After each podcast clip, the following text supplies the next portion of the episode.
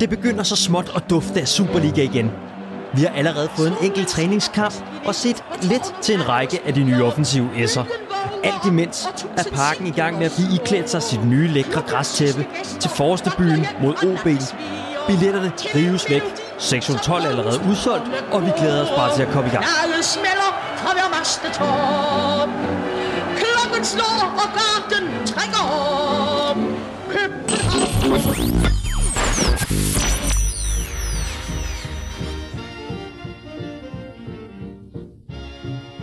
Velkommen til. Du har sat Absalons Radio i ørerne. Din podcast om alt, hvad der handler om FC København. Og i dag der har vi fået besøg af Emil Tolstrup. Endnu en gang øh, velkommen til Emil. Mange tak. De øvrige stemmer de, øh, består af David Bertelsen og undertegnet Victor Johansson. Lad mig lige høre øh, begge to de her. Som mange år FCK-fans, hvor meget skal man så ligge i sådan en træningskamp, som vi spillede i, i lørdags? Nul og niks. I resultatmæssigt 0 og niks. Okay. Men i alle de ting udenom, der kan man godt. Jeg tager mig selv i hvert år, hvert år, når det er, vi skal til at spille de her kampe, og ligge altså, sindssygt meget i dem, og så når det kommer til stykket, så, så betyder de måske ikke så meget i virkeligheden. Men det er i hvert fald øh, noget af det, vi skal tale om i, øh, i dagens udsendelse. Og så udover det, så har jeg også et lille interview, øh, som måske kan gøre os klogere på Paul Mokaus tid i, i Belgien. Fedt. Skal vi kaste os ud i det? Lad os gøre det. Meget gerne.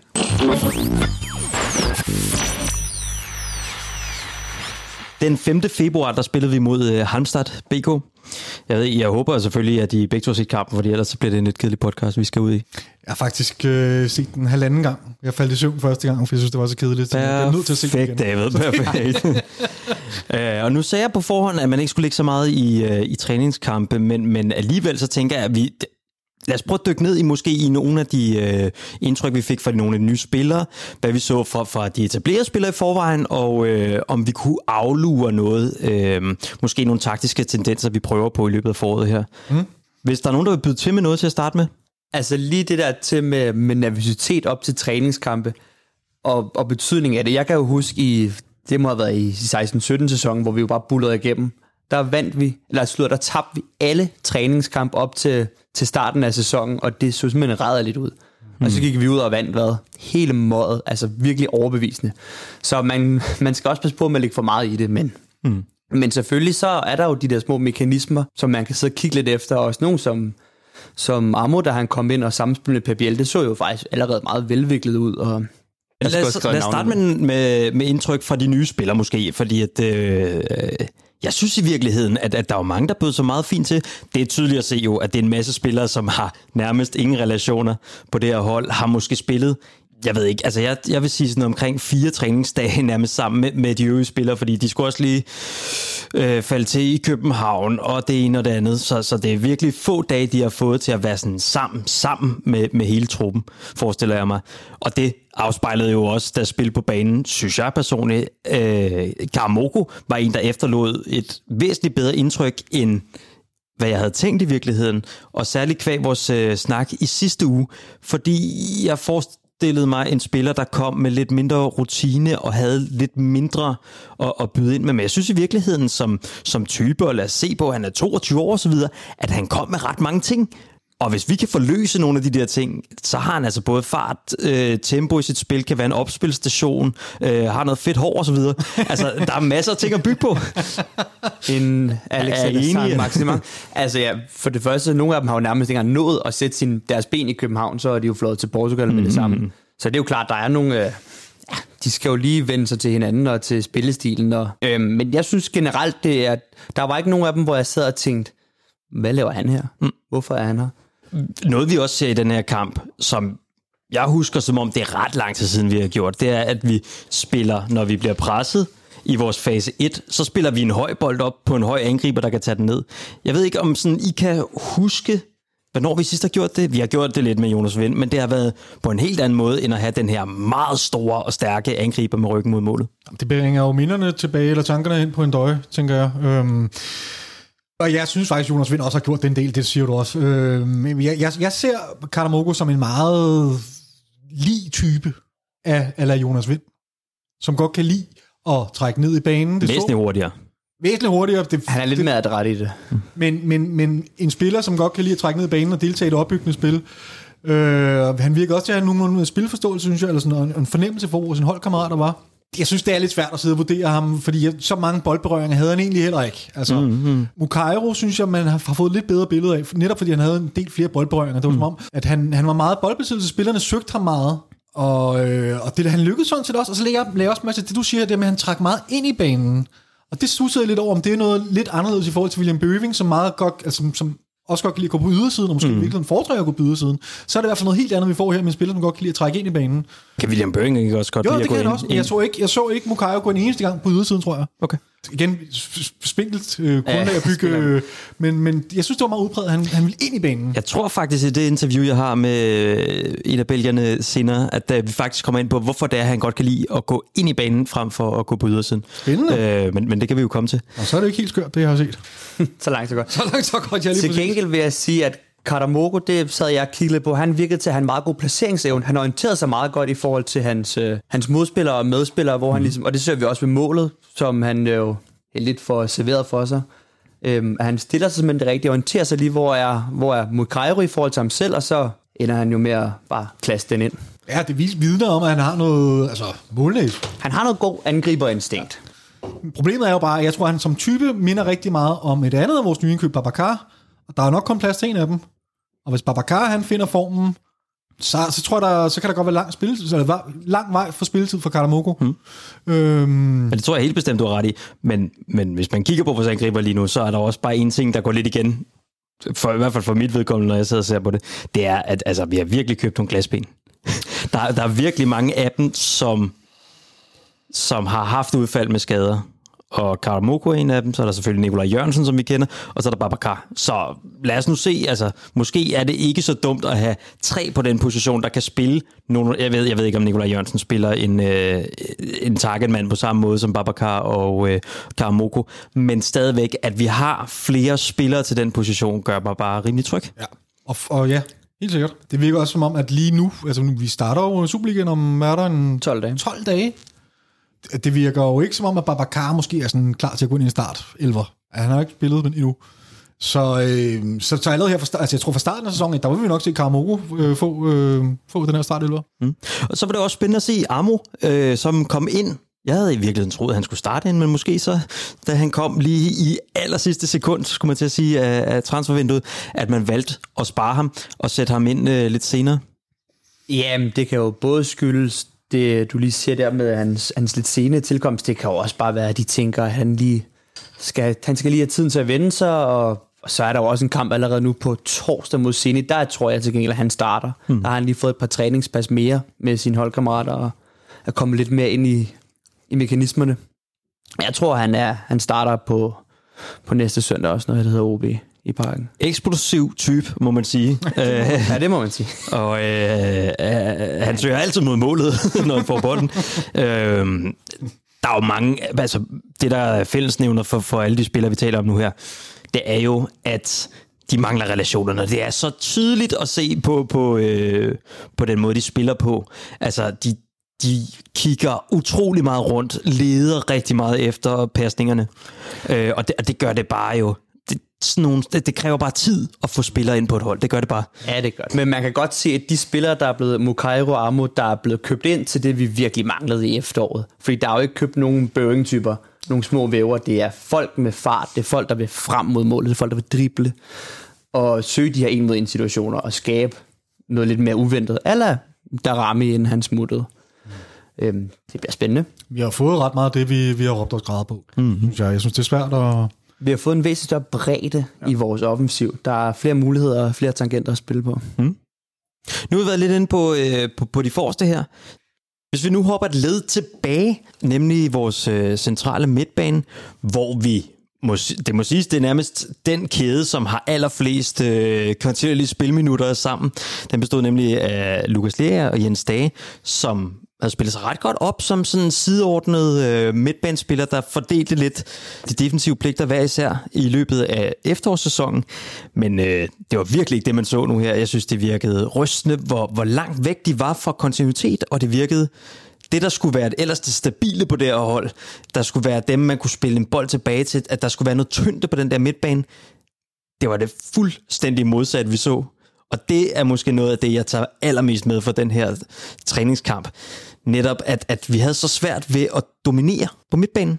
Altså, jeg synes, det er svært at sige, for generelt synes jeg egentlig, at vi dominerede meget fint kampen igennem på bolden. Men det skal vi også mod et hold fra Ja, ja, det skal vi jo ikke? også, og det har vi jo, har vi jo gjort de fleste kampe i efteråret, og, og man kan også diskutere, om vi skabte nok, det har jo også været problemet. Mm. Men altså, jeg ved ikke, hvad det lige skulle være, det kan jo også godt være, at det, det bare ikke måske lige har klikket for dem en af de dage. De kan jo, og vi ved jo specielt sådan en som Jens Dage, han spiller jo sjældent, når det gælder nogle dårlige kampe. Og Lea, jeg synes jeg også virkelig løftede sit niveau, efter at han ligesom faldt blev skadet, og han fik sin, sin plads tilbage mm. i løbet af efteråret. Men det var ikke det, vi så i den her kamp. Nej, det var det ikke, det var det ikke. Og men vi taler altså om en, altså to rutinerede, er de ikke 25 og 28? Jo, Lea Ellers må jeg lige rette mig, men i hvert fald i midten af 25. 20'erne. Det er altså ikke... Nej, nej, det er jo ikke, men vi har jo også... Det, det er dem, der skal løfte et hold, når der er en masse nye spillere. Ja, det er dem, er der det. skal være øh, bindeledet mellem forsvaret og angrebet. Altså, og, og jeg synes Ja, virkelig på samtlige parametre, at de ikke formåede at løfte den opgave. Jeg, jeg, jeg, jeg synes, du er lidt hård. Jeg, jeg, jeg, det er jo ikke, fordi de spiller nogen fremragende kamp. Det er slet ikke det, jeg vil. Men David, de spiller mod et hold fra Super Ja, men det er en træningskamp. Det er ikke engang allsvenskeren. Er. Jeg ved godt, det er en træningskamp. Altså, det, jamen det, det må jeg bare holde fast i. Altså, og, og vi, vi har jo, som I begge to har været inde på, de spillede de kom ind i et rigtig fint markedskab i slutningen af efteråret, så vi har jo set, at det godt kan, kan lade sig gøre, og det kan fungere, det der. Så min kritik skal den tilskrives øh, mit evige negative sind, øh, når, når vi går ind i de her træningskampe, eller, eller handler det øh, mere om spillet? Jeg tror, du rammer ordet træningskamp. Det er det, det skal tilskrives. Det, der har måske bare manglet den der intensitet og spænding. Og altså, hvis de så spiller en god kamp på torsdag mod et væsentligt bedre hold, så så, så det her jo glemt. Altså, jeg tror ikke, det, man skal lægge for meget i det. Du panikker for hurtigt, vil Ja, jeg det Lidt for du. tidligt. Okay. Det er mere bare også ideen om, hvordan har vi vores midtbane? Spiller vi med de her to sideordnede midtbanespillere, det som det er, der skal ligge? Det, det handler jo om, at man kan kommunikere, forestiller jeg mig i hvert fald, at man kan kommunikere rigtig godt, at man ved, hvornår går den ene op, hvornår går den anden op. Altså dem, der måske har gjort det bedst her, senest herinde i parken, synes jeg i hvert fald, det er jo øh, William Kvist og Thomas Delaney, altså som, som totalt mestrede den der disciplin. Og så er der den anden tilgang, som vi har haft i form af Rasmus Falk og Carlos Seca, hvor at rollerne har været mere defineret. Der har været givet mere plads, kvæg at øh, Carlos Seca simpelthen er en så dygtig erobringsspiller, at, at Falk har fået lov til at gå meget mere med i det opbyggende spil, og ergo så har der været mere defineret en, en 8, der havde sine ting i det offensive, og en, og en sekser, der agerede meget sekser, ikke? Ja, lige præcis. Altså det Er optimale, det det, vi skal tilbage til? Ja, fordi altså, det optimale er jo, at vi spiller foråret med en Falk, der forhåbentlig begynder snart at komme lidt i form igen, og så er det en Jens Dage, fordi at mellem de to er der en klar fordeling, end der er blandt, for en Lea og en Jens Dage. Og jeg ser klart Jens Dage være foran i køen af de to. Men det er også, fordi Jens Dage bare har hævet sit niveau rigtig, rigtig meget. Så jeg ser klart Stage være foran, og jeg håber, at Falk kommer i gear, fordi så er rollerne nemlig defineret. Den klare 6'er, den klare 8'er. Lige præcis. Og Men Biel foran i øvrigt. Og så slipper vi også om det problem, som jeg var inde på før, som jeg synes, vi har lidt af med, med Stahlia, er, at der mangler noget kreativitet simpelthen. Så, så det er også det, jeg ser løsningen Ja. med, med Falk og, og Stage. Det kan Men, godt blive rigtig godt. Og så er det... Hvad så, Victor? Jamen et er kreativitet, noget andet er simpelthen at kunne få bolden op fra fase 1 til 2. Ja. Ja. Det manglede vi altså i det her spil. Ja. Og flere gange, hvor det er det lykkes for os, der springer vi helt anden fase over i spillet. Der bliver det en bold enten op på Karamoko, som kan tage den ned. Det er også fint, det er fedt at have det i sit spil, men det må ikke altid være et fra, fra fase 1 til 3, men der skal også kunne være nogle, nogle spillere, der kan være med til at tage den fra fase 1 til 2. Det- Og de gange, hvor det er, at vi, vi formår at få bolden op, det er enten, som jeg sagde, Karamoko, eller Pep Biel, som søger ned i banen, og så begynder vi også at rykke for mange, i min optik, for mange offensive spillere for langt ned tilbage i spillet. Giver det mening? Ja, det gør det. Og det ærgerlige ved den er jo, at Jonas Vind havde, øh, er blevet solgt, for det kunne have været spændende at se Baba Carpenter, Jonas Vind bag ham, Pep Biel og en stage på centralen, fordi så fik du virkelig de der spillere, der kunne rykke bolden frem. Mm. Rigtig led helt gennem kæderne. Det er sådan noget, vi har talt om hele efteråret, ikke David? Jo, Ja. ja. fuldstændig. Og det- fuldstændig. det Det, kunne kunne være så fedt. Spilstationen Ja, ja, det der være øh, på den centrale midtbane. Fantastisk. Mega, mega, mega spændende, og det kan godt være, at vi sælger mesterskabet med, med Jonas Vind. Det skal jeg ikke kunne afvise. Men med hensyn til det der med, at, at vi spiller fra, at vi springer øh, fase 2 over, mm. det handler jo også om, at vi, øh, vi har nogle skadesproblemer nede i forsvaret, tænker jeg. Altså hvis vi har spiller med Rasmus Falk centralt, og vi spiller med Nikolaj Bøjlesen, så er der ikke nogen grund til at springe fase 2 over. Det er faktisk øh, en pointe, jeg vil komme ind på på et tidspunkt, for Nå. jeg synes virkelig, at man kunne se i den her kamp, og det er også bare fedt bare at claim andres øh, Ja, ja. pointer, Din gode pointe havde jeg tænkt. men det var helt klart de to, jeg savnede i, det, i, i, øh, i den kamp, vi så her. Fordi nu har vi fået tilsat alt muligt lækkert, men, men lidt den der stamme, og særligt stammen, når vi har bolden. Fik jeg ødelagt det hele for dig nu? Nej, men det var fedt. Øh. Nej, men det, det, det, og- det gør bare meget for vores spil, fordi vi, vi får tilsat nogle af de ting, som vi ikke havde i løbet af efteråret. Vi får noget fart på kanterne, vi får noget, øh, nogle folk, der kan udfordre osv., men, men det der at kunne arbejde bolden fra A til B til C, det i den her kamp. Og det er jo, de, det, er jo det, de er dygtige til, Ja, helt begge klart. to. Helt klart. Og har en god forståelse også for hinanden. Og så er det måske heller ikke så underligt, at, at øh, det ser lidt anderledes ud, når de to bliver, bliver pillet ud af vores softspil, fordi de er så, så afgørende for vores softspil, i, ja, især i, i første fase, men, og første og anden fase. Og hvad gør vi så? Det, hvad, Men det er jo så det, fordi det, jo, det bringer jo netop tankerne videre hen på, mm. vi er så sårbare her. Hvis vi ser, hvordan det ser ud med Halmstad, når vi ikke har Nikolaj Bøjlesen og Rasmus Falk med, og der skal, der skal ingenting til. Altså en skade mere nede i det centrale forsvar, så har vi ikke nogen centerbacks lige nu. Det, det er der, jeg ser den helt store udfordring. Rasmus Falk virker heller ikke som, om han er ved at være lige klar til at gå ind og spille med OB. Mm. Øhm, der var en artikel i dag på FCK.dk, hvor, der, hvor han siger, at der har været nogle setbacks og så videre, men han håber stadig på at være klar med OB. Men det er nok ikke en Rasmus Falk i, i topform i hvert fald. Og der er bare rigtig mange spillere lige nu, som vi kan sidde og se på, som ikke er i topform. Enten er helt skadet, eller som ikke er i topform. Og det er nogle af de bærende spillere, der, øh, der kan jeg godt se, at vi får kæmpe store problemer. Mm. Det er Vi har ikke råd til at spille os i form. og der, der har vi på ingen Vi skal måde. være vi i form. fungere fra dag et af. Ikke? Samtidig med, at vi skal spille et helt nyt angreb ind. Altså, det er tre nye offensive spillere formentlig, øh, som, som, som mm. aldrig har spillet sammen før, mm. som vi skal have til at fungere fra dag et. PBL han kommer til at spille et, det vigtigste efter, eller slået for, eller halvsæson, kan vi bare sige, han har, han har skulle spille i FCK, for mm. han kommer til at skulle være bindeledet mellem det offensive og det centrale og defensive. Mm. Og han er jo den, den eneste, vi har lige nu, som ikke har kontinuerligt har haft lidt knups og lidt skadesproblemer. Han skal spille et rigtig godt efter, eller for. Lad mig lige lukke øh, hele den centrale del ned med at sige, at øh, der kom en artikel ud, en rigtig glædelig artikel ud på, på fck.dk med en Carla Seca, der var ude at løbe. Han er jo taget med hele, hele førsteholdstruppen til Portugal for, øh, for være med omkring holdet. Det siger vel også i virkeligheden noget om, at, at han er ikke en, man har afskrevet. Altså, da han blev skadet, der synes jeg, det var ret klart meldt ud, at det var det for i år. Vi kommer nærmest ikke til at se ham, før vi forhåbentlig, 7. 13, mm. skal løfte medaljer, mm. eller en pokal hedder det. Så lige pludselig skulle man have ham med, fordi ah, han er faktisk måske lidt tættere på, end vi troede, og han er jo netop en rigtig god person at have i omkring så mange nye, som vi har. Og så lige pludselig igen, så er han ude at løbe. Mm. Så altså, jeg tror, han er tættere på, end hvad de havde frygtet, og måske...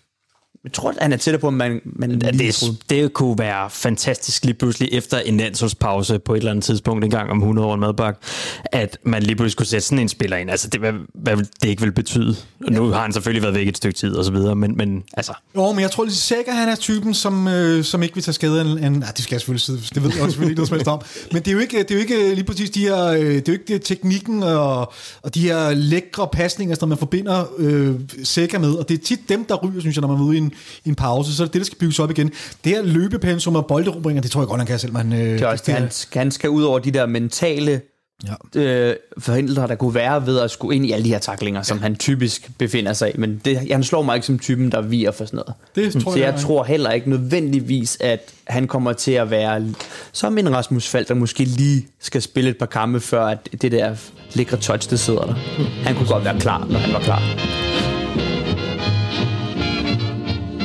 Så lad os hoppe videre ned til forsvaret, fordi der var det jo, det sprang jo i øjnene, at øh, Kevin Dix, han spillede ind på central hold, som øh, en af de to stopper. Hvordan gjorde han det?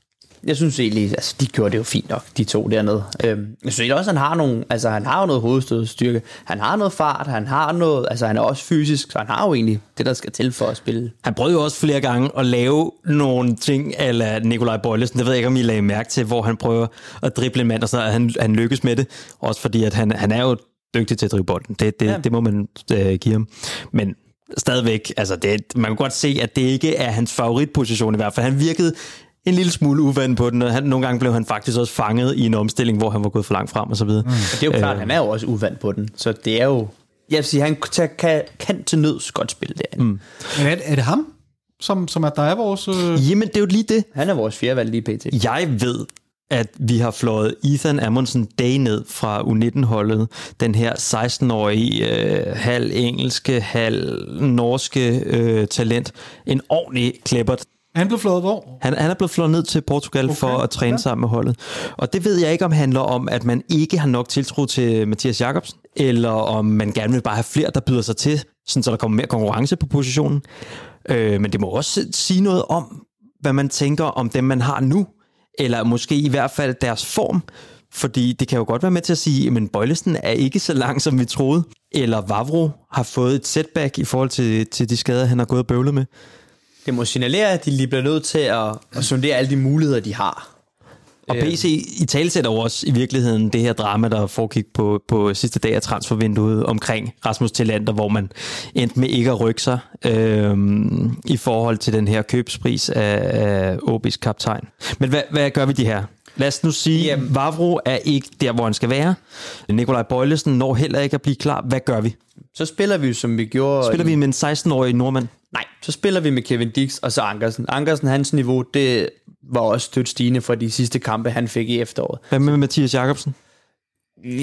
Jeg har ikke set nok af ham, til jeg vil sige, at det var ham, der skulle spille. Jeg tror, at så spiller man med en Kevin Dix. Mm. Ja, det, det, og det tænker jeg også, hvis det var Mathias Jacobsen, man var ved at køre stilling til sådan en reservechance der, så ville han have fået, altså, så ville man have prøvet det af mod Halmstad. Ja. Det irriterer mig så grænseløst, at Valdemar Lund han fik den hofteskade lige nu her. synd. fordi at man, altså, Det var hans. den er lige til højre benet ja. nu, ikke? Ja, det er rigtig, altså, der er virkelig...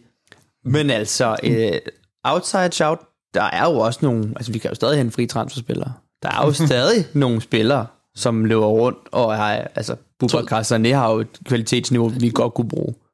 Og ikke som starter nødvendigvis, men som, altså, han kunne godt være gradering. Det ved jeg ikke, om øh, ham, min øh, andre lægfyr, jeg kommer til at tale med lidt senere. han, Nej, er- de, de var meget skuffet over ham, men hvis man ser det, han, Han gjorde i Horsens og i Midtjylland, så tror jeg hellere, jeg vil have ham, end jeg vil have en 16-årig. Eller en Michael Jacobsen lige Men jeg, jeg køber ikke Bubakar, men, øh, men det er rigtigt, man kunne kigge i det marked i hvert fald. Det vil jo ikke kun være ham, men der er jo stadig nogen ude i... Men så er det ved at være på tide, ikke? Altså, Ja, så skal det jo ske Så sker det altså nu, her, mens vi sidder og optager forhåbentlig. Ja, jeg vil sige også jeg tror heller ikke, det sker, for så skulle det have været sket Ja. ja. den 1. februar, hvor mm. vi ikke fik til lander. Ja. Det er jo forholdsvis skræmmende, at, at vi, kan, vi kan mangle på, på en så vigtig position, og også en, som vi virkelig har været... Har, været- det har været et sårbart punkt for os, siden vi fik det stabiliseret med Nikolaj Bøjlesen og mm. øh, Krutulava. Men altså, jeg læste en artikel i dag fra Jes Torup, der kommenterede lidt på den her kamp, og han sagde jo, at, at alle de spillere, der ikke var i kamp, med undtagelse af en, sådan, en Falcon cirka, de var ude og tage et, kørt fuld træning dag lige inden kampen. Men det kan simpelthen mere mening for, for hvad hedder det, programmet dernede, at de trænede en hel program i stedet for at, at spille den her kamp. Så de er måske heller ikke urealistiske. Om 12 dage, så spiller Vavro. Jeg tror heller ikke, de der spiller Babacar, jeg tror ikke, de er længere væk. Ah, det for, tror jeg, du har For at være der, hvor at de er klar til at spille. Det tror jeg, du ret i, men det handler om, at øh, de ikke var med i opstarten, at det er med relationerne på plads. Det er jo, lige, det, er jo det. For jeg er ret til på Vavro, han, er, han skal nok være fit for fight, måske ja. også Babacar, det ved jeg ikke, men det kunne bare være rigtig fedt, hvis de havde fået nogle minutter sammen. Er det vældig? Lad os lige sætte et par øh, kommentarer på øh, Kamil Grabars øh, præstation. Fordi han har jo den her virkelig uheldige, det her virkelig uheldige frispark, som, som går ind i, den, øh, i hans egen vinkel. Ja, det er ikke godt nok, synes jeg. Altså, den skal han af. Ja. Øhm, men det er så også det, der er set på ham. Ellers havde han et par sikre indgreb. Øh, Og så var der ikke så og meget. så var der ikke andet at lave for Nej, ham. Men præcis. den skal han have, den der. Altså, det Ja. er skidt, synes jeg. Ja. Øhm, Ja, det er lidt uheldigt, fordi der har jo været den der lidt snak fra, omkring ham i efteråret med, der kommer nogle gange de der fuldstændig hovedløse, ikke at det er nødvendigvis var hovedløst, men, mm. men hvor man så tænker, det, det skal du bare redde den der. Mm. der kommer nogle drops. Altså, men, men kommer man skal bare drops. huske på, at han er de der Og- 23, ikke? Ja, ja, det er også det. Han, ja, han stod jo bare for langt over i den ene side. Ja. Og det var, ja. Men jeg vil sige, hvis han havde været, hvis han havde været en 28 målmand, så havde jeg været meget mere rødglødende raseri. Jeg synes, øh, det, der, det er virkelig noget, der burde være forholdsvis lidt at arbejde med, at få nogle af de der børnefejl pillet ud af en spil. Og så har vi en klasse, klasse målmand, men der ja. skal lus ud i de der børnefejl. ja, det skal der. Hmm. Han har sådan lige en hurtig ordudveksling med Kevin Dix lige efter at bolden rører ind. Så det er som om, de to ikke rigtig lige har fået afstemt. Som om han skulle lige have, Okay, hvad det var, okay. der skete der. Jamen, det kan jo godt være, der er noget der, vi Og ved. det er- kan jo også godt være, fordi han jo, Kevin Dix er vant til at stå et andet sted. Klart. Klart. Det tror jeg var det øh, for den træningskamp. Jeg ved ikke, om vi kan tage mere ud af den. Altså, og som I siger, det er en træningskamp. Ja. Jeg kan godt gå hjem, sove, Du skal stille, tage det stille og roligt, Victor. rolig og Det er det samme trygt. hver evig eneste vinterpause med dig. Du panikker fuldstændig. Men det ser jo bare helt skørt ud, når det gør vi, det altid. Altså, når vi ikke kan yde noget mod et eller andet hold fra Supereteren. Jeg kan altså, trøste dig med, at sidst vi gjorde det rigtig godt i en, trænings, øh, hvad det, en sådan træningsopstart her, hvor vi bare bankede alle holdene, vi mødte i træningskampene. Mhm. Der endte det med 56 point og en sølvmedalje. Øh, så.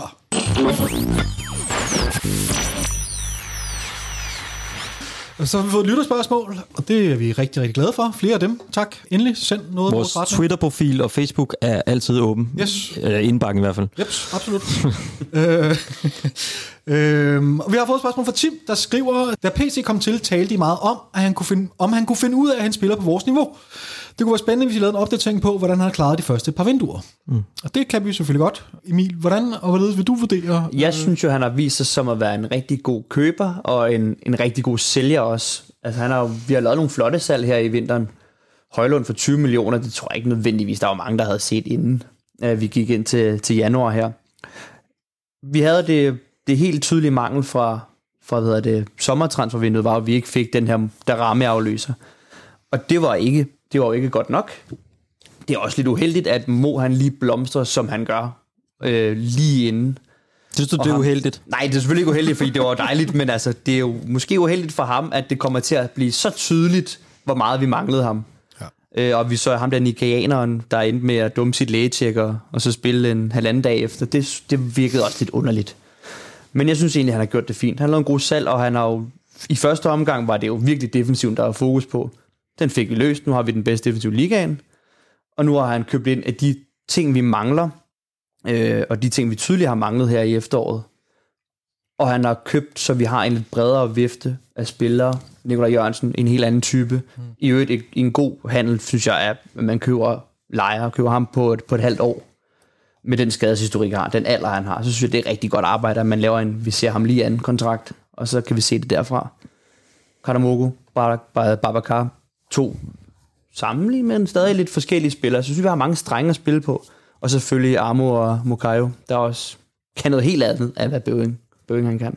Hvad med, hvad med selve niveauet? For det er også det, der bliver spurgt ind til. Jeg tror, det, det fordi det, vi, jeg, jeg kan i hvert fald huske, jeg har siddet og været sådan lidt, da vi fik nyheden om PC, det var sådan, mm. han har jo ikke vist sig i en større klub, og skal vi nu, henter vi nu bare spillere på Superliga-niveau, mm. eller mm. henter vi på den hylde, vi er vant til at hente? Øh, så tror, altså, har han ramt det niveau, som man kan forvente, at FCK skal hente fra? Ja, det synes ja, jeg. det synes jeg egentlig også. Altså, Han har prøvet at stræbe efter at få Andreas Skov Olsen ind til nærmest helt sidst i vinduet. Ja. Så, øh, så går det ikke godt, fordi at der findes en klub, der hedder Klub Brygge, der øh, stort set byder på, på alt, hvad vi, øh, hvad vi har, og hvad vi gerne vil have. Og, stoppe, skal de, mand. ja. forfærdelige. Altså, Brygge er out. Jeg tror, Twitter nu. øh, jeg synes, det, jeg, der hvor jeg savner lidt, ikke, det var jo, øh, at når vi har den der liste af ting, vi mangler, så, man, så har han ikke været klar til at rykke på det. For, fordi lige nu har vi nogle åbenlyse mangler, og, og selvom det er de få millioner, der skiller os øh, fra en talenterhandel, det, det kan vi jo kun gisne om, men, men det forestiller mig, så kunne det satme have været fedt at have haft det nu. Til gengæld er det også det, jeg vil tilskrive ham. Fordi det, han er dygtig til, vi har fået sådan en rigtig jyde gnier ind, og det har vi virkelig haft brug for, fordi at det virkede som om, særligt i den sidste periode af Ståle Solbakkens tid i klubben her, der virkede det i hvert fald som om, at, at pengene sad rimelig løst. Men altså, han havde også en masse ting at have det i. Han solgte jo, han havde jo plus, men jeg tror, at det er, en, det, det er godt lige nu at få en, øh, få en, få en jysk kniger ind. Og jeg, jeg kan også godt lide, at PC han ikke er bange for selv at sige det. Altså, han ved jo godt, at han ikke bare smider om sig med penge. Det kan, jeg kan godt lide det.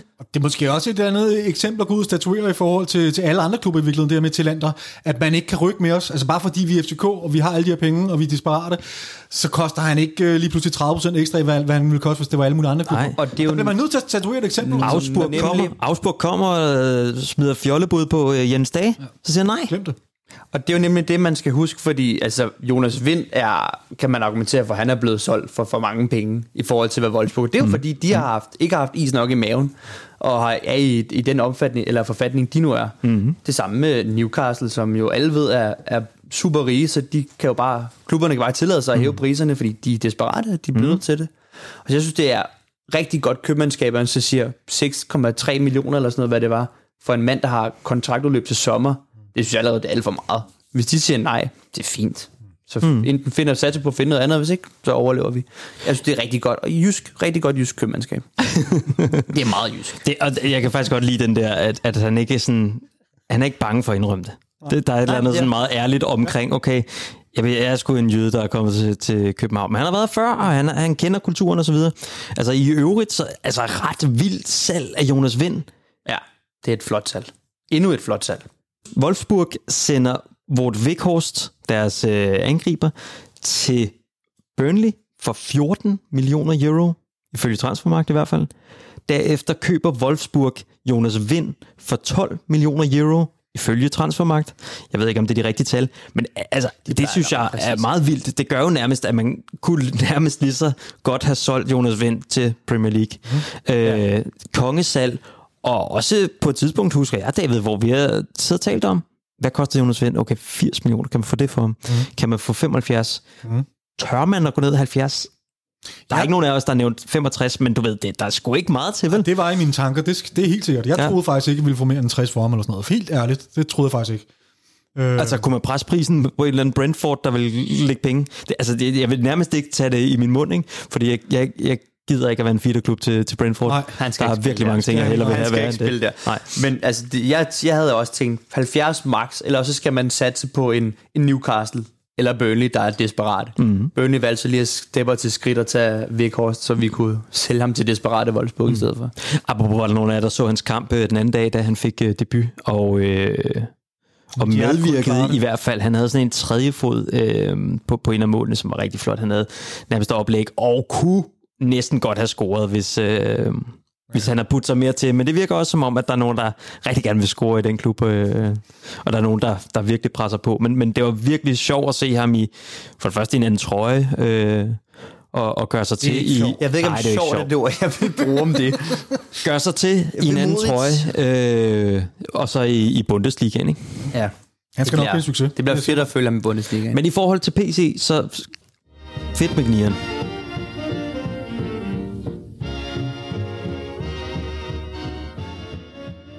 Ja, jeg har talt med en Anderlecht-fan, øh, som jeg tænker, vi skal høre nu her.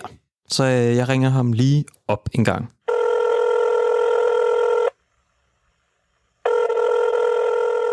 We are so pleased to have Florent with us here. I hope I, I, I pronounce it the right way. My, my French is not that good. uh, from the Underleg podcast, Back to Glory. And maybe I can get you to introduce yourself yeah. So, um, yeah, I'm Florent. You try to pronounce it well in French, but it's kind of difficult for a Danish guy to, to pronounce well in French. So, you did a good effort here. Um, we are back to Glory podcast, and uh, we are podcasts of fans about RSC Anderlecht, the most famous club in Belgium, and not Bruges, uh, like I already say to you uh, off record. Um, we are here for one year now, uh, almost one year and a half, and we have a lot of uh, big projects ahead. Uh, so thanks for the invitation today. I know that you questioned me on Paul Mukairu, uh, and I'm glad to speak to you about Paul here. Yeah, exactly. That, that was uh, the reason why I reached out to you. What is your impression of uh, Paul Mukairu's uh, time in Anderlecht? His time in Anderlecht uh, was part in two parts, in fact. Uh, firstly, he joined quite late uh, during the transfer window, but he came to replace one of our uh, best young guys we had in the year past, uh, Jeremy Doku. So at the beginning, uh, he was kind of criticized by people who don't know him. But afterwards, the, he make the critics silence because uh, he played quite good. So, as I said, when he came, uh, he had the pressure on his shoulder because Doku was our most decisive players in terms of uh, assist and goals. What's uh, what's what I can say about him, in fact. As far as I know, uh, Jeremy Doku, which is now in Stad Rennes, isn't he a right winger?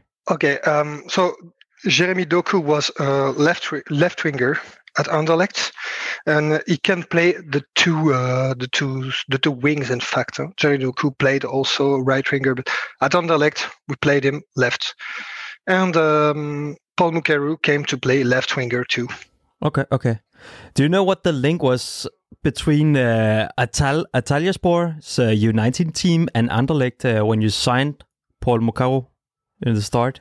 Uh, it was only a loan. I know that. Uh, um, in fact, we had a, an, a TV show called Move, uh, where we saw that Vincent Company himself wants Paul Mukeru. He was the first choice of Vincent Company, so that gives a lot uh, about uh, about uh, Paul. In fact, huh? if someone like uh, Vincent Company, King Vincent, Vince the Prince, you know, um, give a go for him, I think that it's a valuable player at at uh, Antalyaspor, uh, he had a lot of extra session with uh, Lucas, Lucas Podolski. In fact, Paul Mukeru. I don't know if you knew oh, that. No, I didn't. He had a lot of it. Had a lot of what? Come again? A lot of uh, extra session. And uh, you know the, the qualities of Lucas Podolski. Huh? Yeah, but so, what what was uh, Podolski's role in Turkey? He was a player. Yeah. There. Okay, so he was he was just he playing. Ah, okay. I see. I see. Okay. And yeah, at the end of the training, he stayed with him oh. to train him, and and he liked him well. So he had a good uh, a good trainer there. Do you think that's how Vincent Company got to know Paul Mukaru? Um, don't know. If, I cannot say yes or no. It can be an option because you know football legends speak together. so maybe he called him, but I don't know.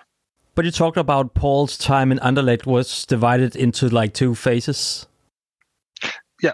So at the beginning, Paul played a lot uh, when he came. Uh, first game, he entered in the game uh, and scored a goal, the equalizer against uh, Antwerp. A really, really beautiful goal uh, coming from the left side, uh, going into the middle and put a beautiful shot in the top right corner, I think. and that gives everything of his talent, in fact he played well. Uh, he played a lot, and afterwards, uh, Vincent Company changed his uh, his, tast- his tactics. Sorry, and um, yeah, due to that, we play with no left winger anymore, and so he didn't play a lot afterwards. But was that the time where you played four three three formation? Uh, at the beginning, it was four two three one almost, and afterwards we changed to four three two one with the two um, to pocket player, we said. So like number 10, close to Lucas and Mesha, to make good combination uh, with Lucas and Mesha. And I can see around that time, is that last season or the season before then? It was. It, it was uh, last season, yeah. Yeah. You, you, you, actually had a lot of players, which is quite well known uh, here in Denmark. You had uh, Jakob Brun Larsen, which by fact yeah. I also think it's a FC Copenhagen fan himself. Uh, you have Mo Dauda, which used to play in Esbjerg here in Denmark. Sakia Bakali, which I remember from being a, a really big talent in Valencia. Uh, Zakaria Bakari, yeah. Oh, okay. Zakaria Bakari, yeah, was was was strong before, but now it's not that. It's not that anymore. In fact, he has one of the biggest wage here in the club, oh, and he okay. has never he has never proved something. So, but yeah, a lot of players for, for, for the left wing. Yeah, yeah, a lot of players for the left wing, but um, yeah, as I said, it was the first choice when when Doku was was sold to um, to Ren. Uh, we looked for someone else, and the choice was Paul Mukeru. So that gives a lot. Huh? Hmm. And Jacob Brulnarsen came afterwards came during the winter transfer window. Okay, because Vincent Company was not satisfied with uh, Paul Macau. I won't say it like that because, in fact, it was because it changes. Um, it changes uh, tactics. In fact, it really changed it. Uh, it didn't play a lot afterwards. Uh, uh after the um, the winter uh, transfer window, it didn't play a lot with uh, with the wingers it was always a small combination one two with two tens uh, i don't know if you know them but they are good young guys it's um Jari Verskaren, maybe you know him. Uh, it's a it's a really talented player, uh, homegrown in Anderlecht, and Anwar Ait Elaj, also homegrown in Anderlecht. Yeah, and uh, yeah, that's okay. why uh, that's why he didn't play a lot afterwards. So they were coming from from the youth academy and like kind of took over yeah, together true. with the the formation and tactic uh, change. Yeah, true. What do you see uh, Paul Macau's biggest strengths are as a player? Um, as a player, I can say that he's good. Uh, he has technical skills, very good technical skills. Uh, he's good in 1v1. For example, he was the first uh, successful dribbler in our league uh, in front of uh, good guys, you know, uh, as you already said before. Um, he has a very, very good right foot. A good mentality is always smiling, you know, uh, uh, n- never. Um, never complaining when when being subbed off or outside of the team. He has a vision and a shoot that is not bad as a speed, not that bad, but not the fastest. So, uh, he's quite a strong. He has uh, physic, physically strong. In fact, he can go. Uh, he can go with the shoulder and stuff like that.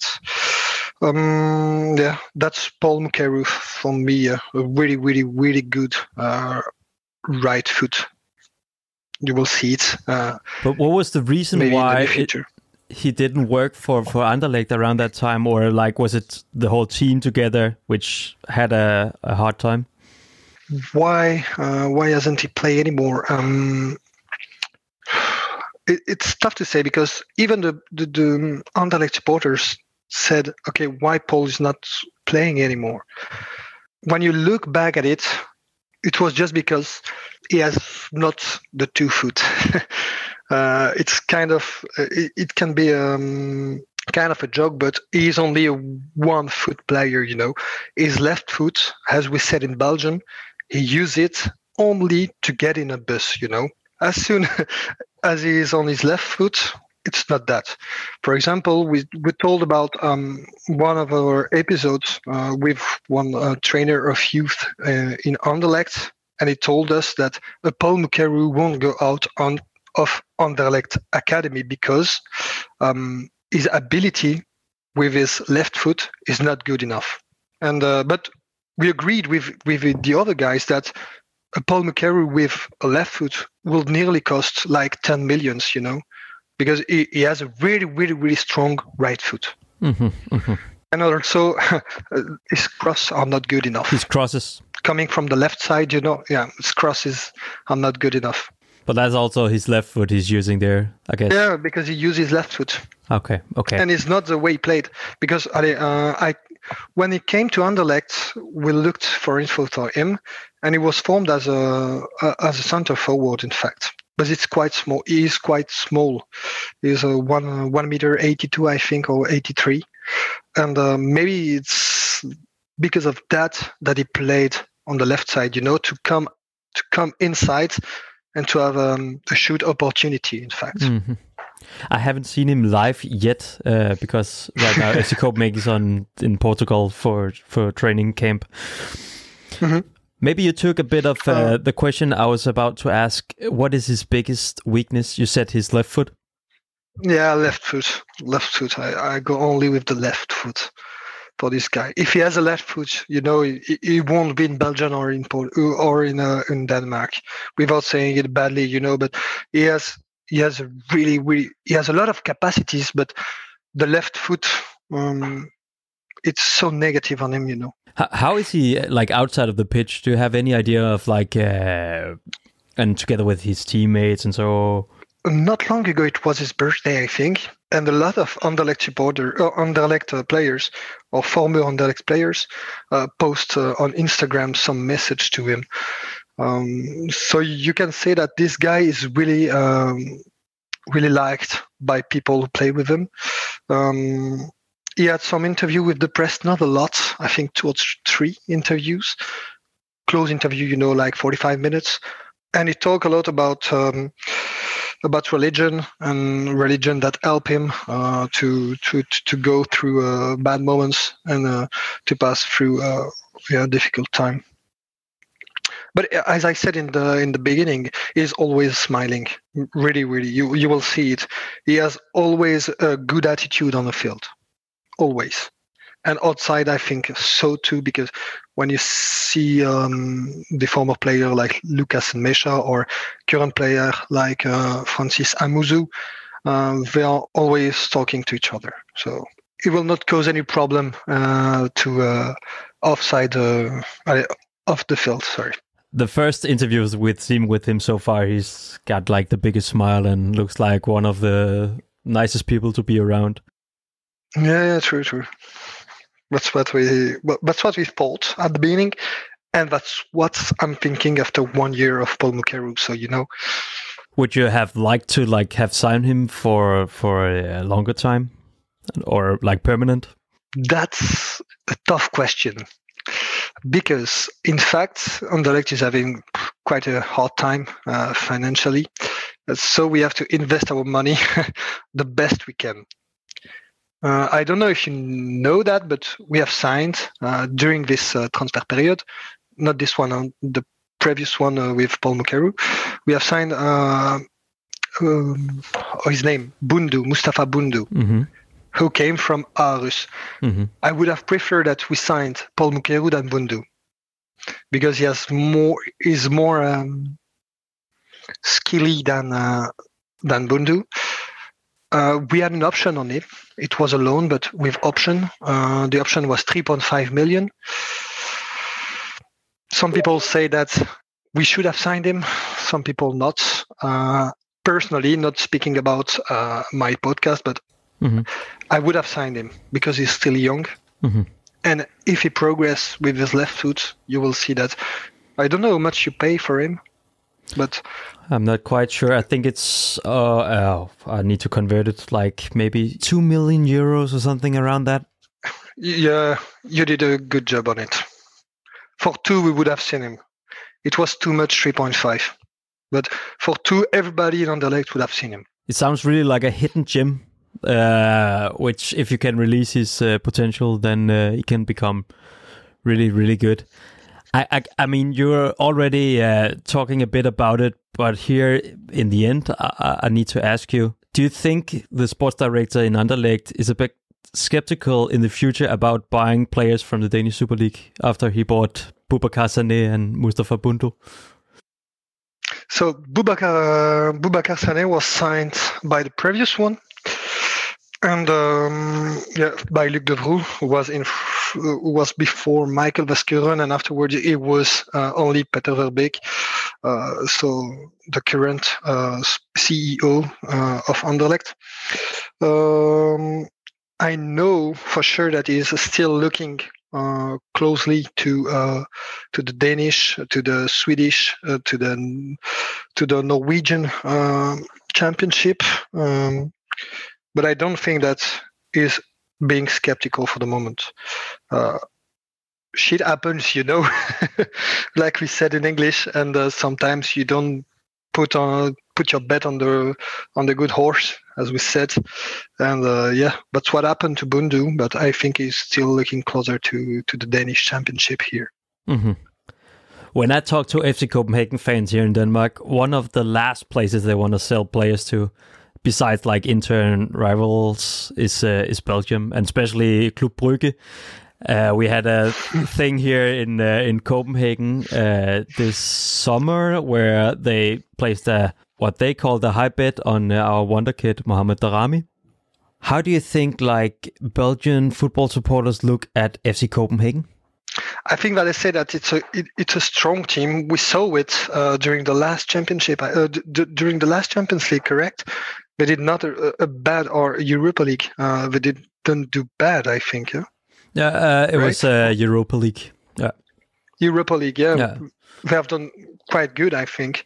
Uh, and we know that it's the best club. uh, the best club in Denmark. Yeah, like where you're going. the, the, the most historical one.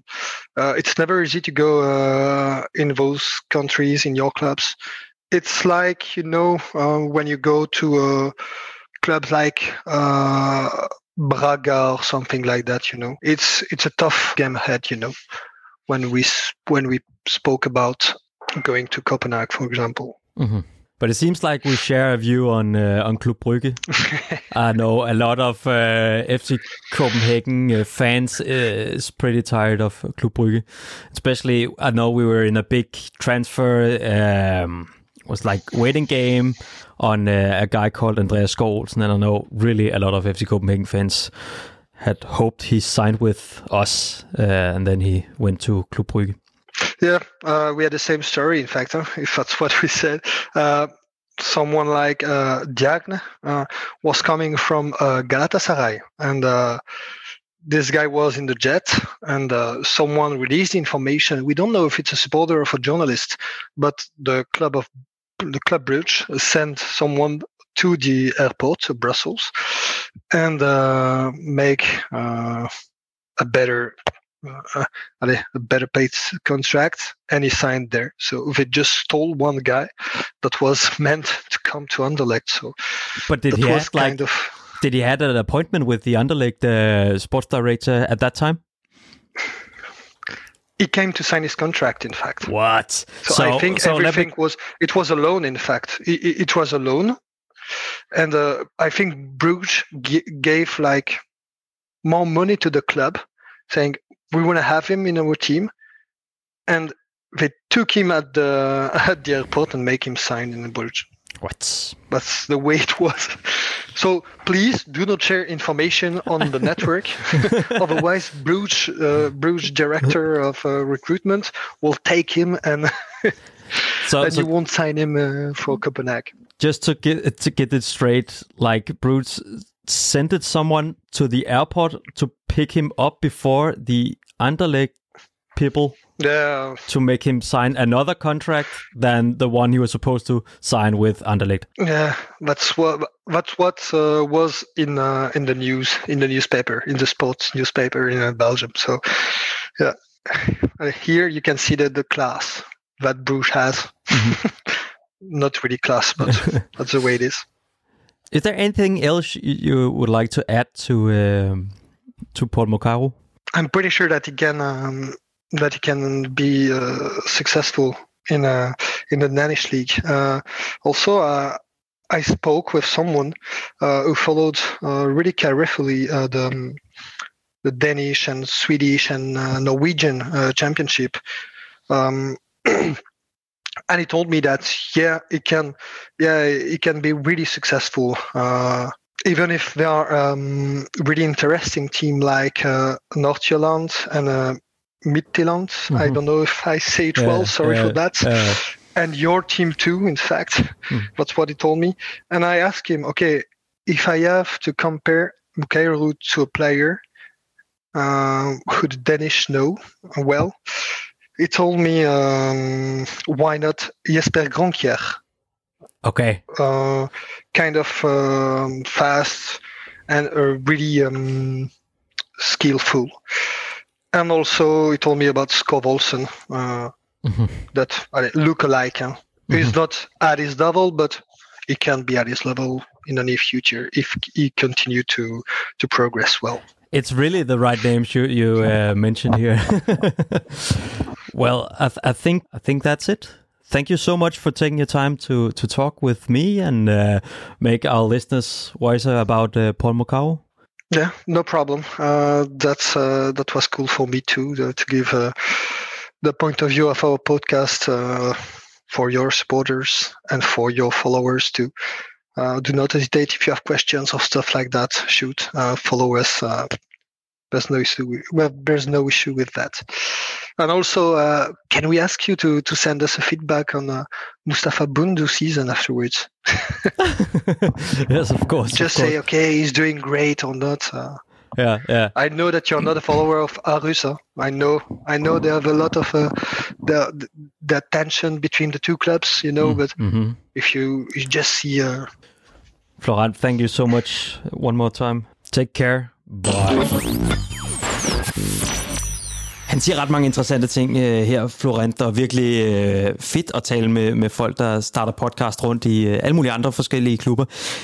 Det første, det er jo det her venstre ben, som skulle være rimelig dødt på, øh, på Paul Mokau, mm. og som gør, at man nok også er i vores reach. Øh, hvad, hvad tænker I? Er det derfor, han går så tidligt ind i banen? Jamen det er det jo. Det giver jo super god mening, for så er det, jeg har siddet og observeret mod Halmstad, det, det, er jo ikke helt, eller, det er jo ikke helt fuldstændig skørt. Så hvem kommer til at slå indlæggende derovre Det må jo så være VK, der skal, der skal komme og lægge øh, de indlæg der. Ja, ja. Og så ind i hovedet på Babacar, som kan stå og prikke dem ind, som øh, man husker grønkær ind til en døje i gamle dage. Det bliver skønt. Det lyder fantastisk. Men ja, Jamen, altså, Viggo han slår nogle glimrende indlæg, så det bliver jo i aller grønkærstilen. Bam støttebenet, og så ud til, til Viggo, der kommer bullerne. Og han sammenligner jo faktisk også Paul Mokayo med en light version af, af Jesper Grønkær, bare for, jeg, jeg stillede ham på forhånd lidt et spørgsmål om, kan, har du ikke et eller andet, du kan sammenligne lidt med? Det kan vi godt lide. Øh, altså, så får folk lidt en idé ja. øh, om, at, at det er jo store ord til Jesper Grønkær. Altså, det er no i, øh, pressure. Øh, men han siger jo endnu flere ting, der, der er ret interessante. Også det her med, at på det tidspunkt, som Paul Macau kommer ind i Anderlecht på, han skal være ind og erstatte Jeremy Do- Doku, øhm, som man har solgt. Det her kæmpe talent, man har solgt til Stade Rennes. I øvrigt spiller sammen med Kamaldin i Rennes. Øhm, han skal ind og overtage den position, og han spiller jo, hvis man er inde og kigge på Anderlecht, så spiller han faktisk flere kampe end Jakob Brun Larsen i den sæson øh, for Anderlecht. Altså, det var en, man troede på. Det er jo også en, han siger, fansene vil gerne stadig have ham.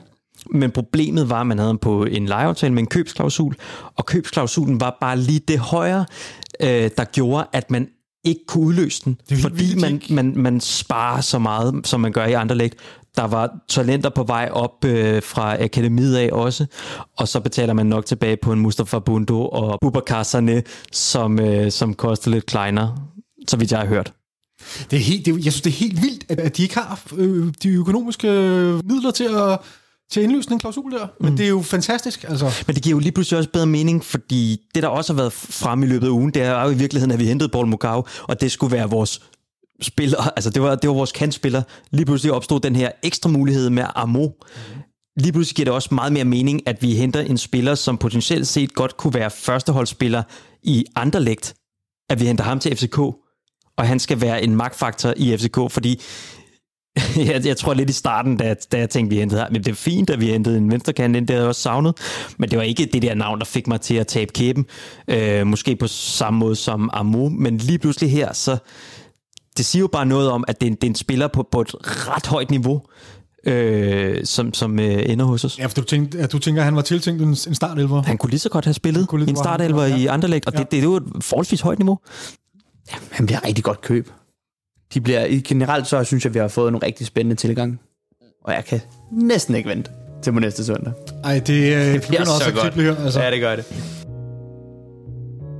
Hvis ikke her er flere ord, så vil jeg sige, at det var dagens program. Jeg glæder os rigtig meget til næste uge, hvor vi får besøg af Mathias Stenstrup til en snak om, øh, til en optakt til, Gud, til ja, så er første det jo kamp optakt til det er jo lige mod OB Wow, herinde. Øh, og lige her på falderæbet, så vil jeg også sige, at øh, for det første så er sektion 12 udsolgt. Det bliver mega Det fedt. bliver mega fedt. Det er for fedt. Ja, Over 20.000 billetter solgt allerede. det er fedt. 12 dage, det er for vildt. Det er vildt. Det er fedt. Ja, det, kan jeg vide, hvad, hvad bliver næste tribune så, der skal udvides med? Ja, så skal vi fylde C op, og så øh, overtager vi af fra sponsorer, og, Og så er det børnene tilbage. og så børnene. Jeg skal også snart have stadion nu, så det kan være, der skal være... Ja, nej, stop nu. og udover det, så bliver der lagt et splinter nyt græs, fordi at man ikke har kunne få øh, græsset øh, klar. Vi har set, man har prøvet, man har haft de her kæmpe grow rooms, som ligner, altså man er i gang med at plante et kæmpe dusin hamp ja. Inde i øh, parken. Det er jo også en måde at vinde på. Det er rigtigt. øh, men, men det er simpelthen ikke kunne redde banen, så, øh, så bliver anlagt ny, fed plæne, som sikkert kommer til at stå knivskarpt og klar til, øh, til OB-kampen. Ja, det, jeg har gået og ventet lidt på, at den nyhed skulle komme, fordi os, som kommer herinde, vi har jo gået og kunne se den bane der, og jo tættere på vi er kommet, Superliga-start, vi har hele tiden tænkt, at det skal nok komme, den skal nok komme. Mm. Jeg synes bare ikke, den er blevet bedre at se på, og sådan lige pludselig, der, der, er, der er kun en måned til, nu er der kun tre uger til, og den ligner noget, der er løgn. Altså, det ligner simpelthen, så det, øh, jeg er rigtig glad for, at de nu har opgivet at, at få liv i den bane der, og så Det bare er få, bare den evige kamp. det er for, ja, det er for sindssygt, vi stadig snakker om det her. Det, er vi snakker om det sidst, jeg var herinde også. Det, det er simpelthen det, det evige problem. Den bane bliver... Jeg ved, ikke, jeg ved ikke, hvad der skal til. Jeg har ikke viden. Vi lyttes ved næste onsdag.